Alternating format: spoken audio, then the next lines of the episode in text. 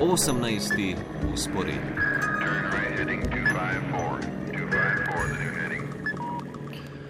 Lepo zdrav, Janko Petrovec. Ja, dobro dan iz Rima.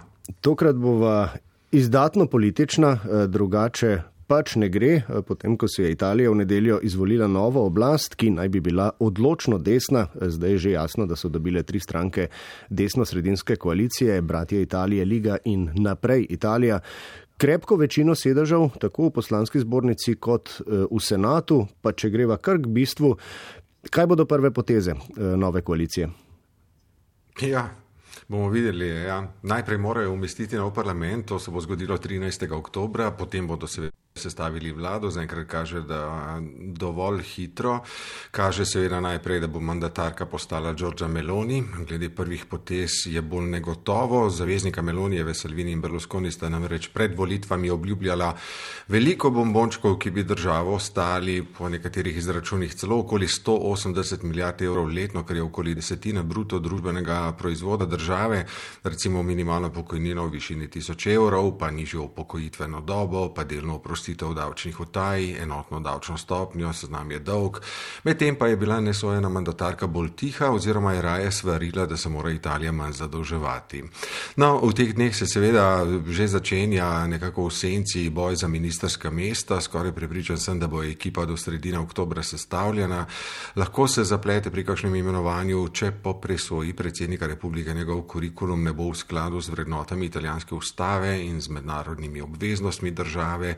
Sergio Mattarella namreč ima moč, da lahko to stori in to je v preteklosti že storil, če se točno spomnimo, pred štirimi leti in pol, ko se je sestavljala prva vlada Giuseppeja Conteja, je dal veto na imenovanje ministra za ekonomijo in finance. E, neuradno in neformalno, seveda v teh dneh marsikdo pritiska na Giorgio Meloni, da nimo italijanska škofovska konferenca, ta ji priporoča naj posnema Dragija.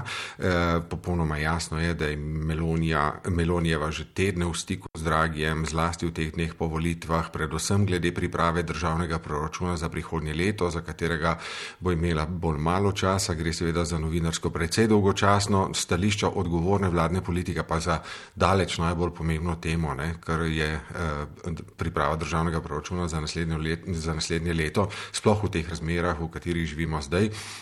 Vsi ti stiki pa seveda kažejo, da namerava Melonijeva slediti smernicam do zdajšnje politike, vse na področju makroekonomije in makrofinanc ter mednarodnih zavezništev. Eh, časnik Republika se je recimo v sredo že skliceval na vladne vire, čež da je Dragi dobil zeleno luč pri Šolcu, Makronu in von der Leinovi, da bo Melonijeva sprijeta v evropski krok. Vladna palača sicer to zanika, rekoč, da je premijer Dragi z omenjenimi v običajnih institucionalnih stikih, tako da to zanika premikanje lahko po svoje, če naredimo tri kroge okoli vseh zidov hiše, razumemo tudi kot pritrditev. Ne.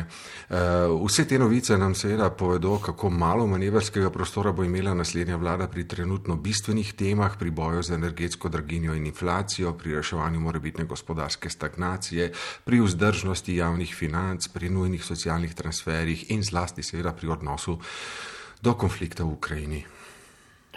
Ja, kaj pa strah eh, pred novim usponom fašizma, ki smo ga že uvodoma omenjali, oziroma že predodajo, eh, ki je v teh dneh tudi eh, prevladal v lepem delu evropskega tiska?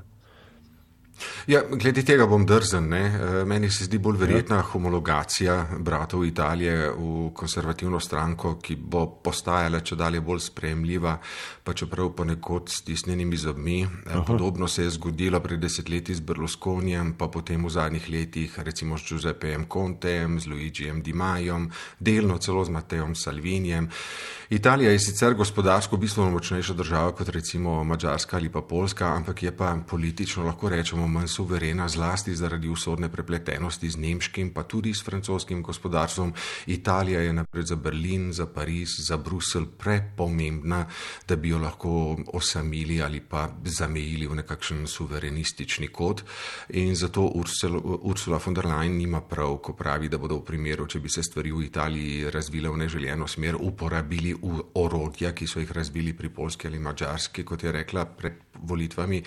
Z Italijo se mora Brusel preprosto ukvarjati mnogo bolj temeljito, tudi bolj rahločutno, italijanske oblastnike pa je treba vedno znova udomačiti in to je Evropa doslej znala storiti. Ampak pozor, pogoj za vse to je seveda sistemska stabilnost te sredinske današnje liberalne Evrope. Če se ta stabilnost zamaja, pa nas zgodovina uči, da bodo ekstremne rešitve dobile več veljave, pa tudi več podpore. Ja, no, ampak. Uh...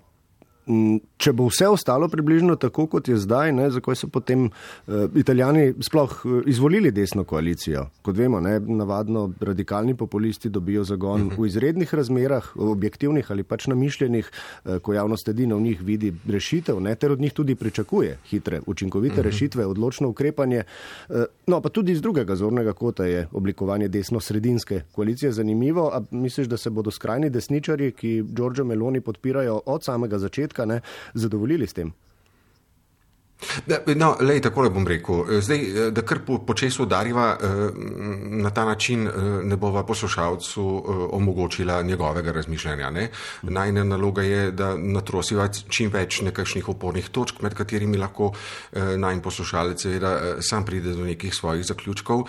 Dejstvo je, da je približno tretjina italijanskega elektorata nagnjena v desno že tradicionalno, in kadar v tej državi desnica stopi skupaj, njihove glasove tudi pobere. Eh, v zadnjih desetletjih stagnacije, pretežno stagnacije tukaj v Italiji, pa se je zgodilo še nekaj, namreč da približno tretjina elektorata na vsakih volitvah išče nove obraze in novo upanje, pač po logiki vse smo že poskusili, da imamo še temu priložnost, ne, um, ki, s katerim še nismo poskusili. Um, no in to dvoje, to iskanje na eni strani novega konservativnega zapika, pač po tistem neslavnem pacu zadnje Berlusconijeve vlade leta 11 in iskanje svežine, to dvoje se pa tokrat seštelo v Giorgi Meloni. Ona sicer prihaja iz krogov radikalne, identitarne desnice, ne, ki je imela pred petimi leti, pred štirimi leti in pol na volitvah, komaj štiri odstotno podporo. Zdaj, analize volitev kažejo, da je prepričala največ nekdanjih podpornikov lige in gibanje petih zvest. Pri prvih gre seveda za delno za kaznovanje Salvinija, ker je izdal idejo severnega avtonomaštva, delno pa tudi za oportunizem, ker pač zvoza, zvoza zmagovalca zmerom pade več kot zvoza poraženca.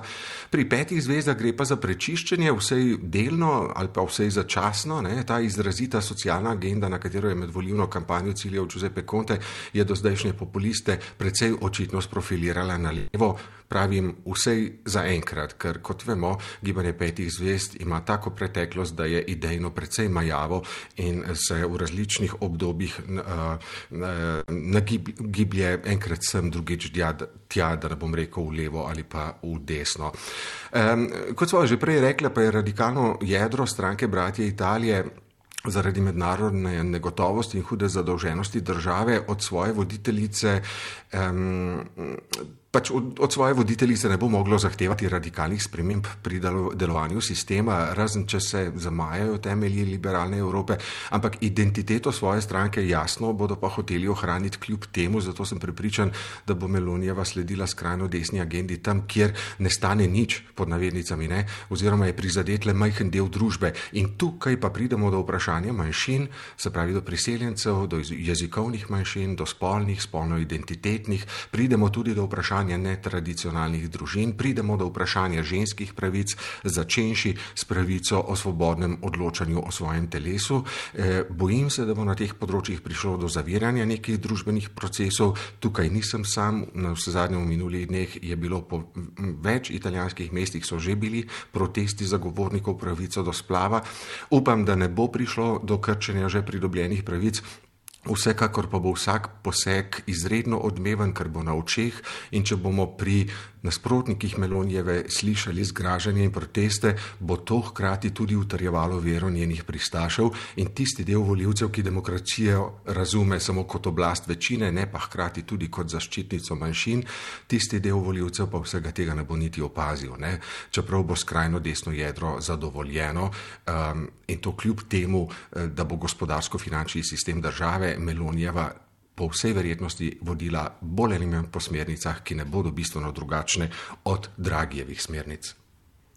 No, vsekakor je razlogov za podrobno spremljanje sprememb v italijanski notranji politiki v prihodnje dovolj in seveda jih ne bomo ignorirali, pa bi te Janko vendarle eh, rad vprašal, kako si kaj preživel eh, zadnje dni kot dopisnik iz tujine, ne, o, njih vemo, oziroma o vas, da ste v času volitev oziroma tedne pred in po zelo zaposleni. Imaš kaj časa za po domače iti ven? Ja, da, no, hecaš se. Ja. v dneh volitev se stave vlade ali pa velikih nesreč, pač dopisniki nimamo pravice do prostega časa. E, meni je seveda v teh dneh, zdaj sem že kar navajen, najpomembneje je, da dobimo vsaj približno dovolj ur spanja, potem pa je moje pravilo, da nič kaj preveč ne planiram naprej, ampak razmišljam samo o obveznostih tekočega dne, pa grem tako od jutra do večera, od tiskovke do prispevka, od intervjuja do naslednjega prispevka, od političnega shoda do javljanja v živo in mine dan in tako dan za dnem. Ne bom pa tajil, da vmes pijem odločno preveč kave. Aha. A se pozna tudi na uh, žepu, uh, ker ne smo sredi draginje in visoke inflacije. Kako je s ceno uh, skodelice kave, kave, ki pač velja med italijani za pomemben kazalec? Ja, res to imaš prav. Seveda vsi, ki obiskujete Italijo, veste, da imajo po večjem delu države precej drugačne kofetkarske navade kot v Sloveniji. Kavo se tukaj pač praviloma spijo ob šanku, na dušek, brez dolgih pomanjkovanj s prijatelji in to večkrat na dan tudi po večerji, zelo veliko italijanov jo spije po večerji. No in standardna cena skodelice, se pravi espressa, ne, popitega v običajnem baru ob šanku, je bila tukaj dolgo časa okrogel evro. V epidemijskih letih smo opazili, da se je cena po mestih na severu države začela dvigovati, ponekod na evro 10, drugo celo na evro 20. Zato pa je draginja letošnjega leta zaostrila situacijo tudi tukaj v, v večnem mestu. Pred par tedni sem tako v enega svojih informativnih prispevkov vtaknil tudi izjavo lastnice nekega bara, ki je za poletna dva meseca dobila položnico za elektriko za 2500 evrov, pa jo je protestno zalepila v vitrino skupaj z lutko, ki jo je obesila za vrat, pa ceno espresa dvignila na evro 10, kar je skoraj škandal tukaj, ne? Večina sicer, seveda, glede na okoliščine, razume takšno odločitev, ampak najdejo se pa tudi godrnjavci. Ja, no, sam lahko rečem, da se najdejo tudi tisti, ki godrnjavce razumejo. Eh, no, sicer pa še mednarodni dan kave bo jutri, ne, ko smo ravno eh, zabredla v to temo, kako ga boš obeležil. Ja, s tremi popitimi kavicami, verjetno, tako kot vsak dan. Najmanj. Italijansko povprečje je v resnici štiri kave na dan, ne? v uh mhm. -huh. Italiji pije kavo vsaj občasno 97 odstotkov odraslih ljudi, ampak čeprav Italija velja za deželo kavnih sladokuscev, pa ne sodi v vrh po količini popite kave, povprečni Italijan na leto namreč porabi 5,8 kg kave, kar je pa zelo podobno povprečnemu slovencu, kar je pa po drugi strani tudi več kot pol manj od povprečnega Finca, ki pa je z 12 kg kave na leto svetovni rekorder. Um, kavni sladokusci tukaj sicer prisegajo vsak na svojo najboljšo kavo. Recimo v Rimu poteka že desetletja bitka med ljubitelji Tacedoro in privrženci Cafe Sant'Eustachio. Ta dva imata svoji tradicionalni postojanki, vsak na svoji strani Panteona v središču mesta, pa ju ob morebitnem obisku Rima lahko sami primerjate, se pravi Tacadoro in Cafe Sant'Eustachio. Za resne raziskovalce kavnih okusov pa seveda priporočam predvsem obisk ene od kavnih prestolnic Italije. Prva je Neapelj, druga nam bližnji Trst, tretja pa Torino. Janko, preden se posloviva, uh, ker vem, da si navadno na tekočem s temi zadevami, no, eh, še na hitro morda kaj novega, omembe vrednega na kulturni sceni v Italiji, si v zadnjem času obiskal kakšno zanimivo prireditev, predstavo, kljub pomankanju časa že omenjenemu, ne, slišal kaj novega? Eh, no, kljub, uh, kljub pomankanju časa, to je bistveno. Uh, uh, zaradi pomankanja časa in nujnih obveznosti moram reči, odkrito priznam, da mi je propadlo za 200 evrov um, vstopnic za koncerte skupine Maneskin poleti in poleti tudi za koncert Mahmuda tukaj v Rimu, ker sem imel v zadnjem hipu nujne službene obveznosti in sem torej lahko iz uh, že kupljenih vstopnic naredil samo papirnati avion in jih poslal po zraku, tako da sem glede tega kar malo jezen in si zaenkrat ne kupujem novih vstopnic niti za koncert Renata Zera. Uh, namreč v teh uh, dneh je legenda zadnjih desetletij Renato Zero, ta kameleonski estradnik, ki je s svojimi uspešnicami zaznamoval več generacij oboževalk in oboževalcev. Eh, in je že kar nekaj časa čakal na, man, na glasbenih odrih znova aktiven, kot pravijo italijani, je vivo e vegeto, se pravi živ in še kako brca. Svojih sedem križev obeležuje prav v teh dneh z dveletno epidemijsko zamudo uh, serijo šestih razprodanih koncertov tukaj v rimskem cirkusu Maximusu, pred zadnji bo ravno nocoj, ko bo Renato Zero tudi upihnil 72 svečk. No, pa naj velja torej še z naše strani. Vse najboljše, Renato Zero. E, mislim, da smo med tem dejansko že poiskali eno njegovih skladb, e, da ne bo. Izrečeno, izvenelo v nič, oziroma v nič to zadevno relevantnega. E, Janko Petrovec, tebi pa hvala za današnji pogovor in lepo zdrav Rim. Srečno poslušalcem Vala 202 in seveda vam v studio.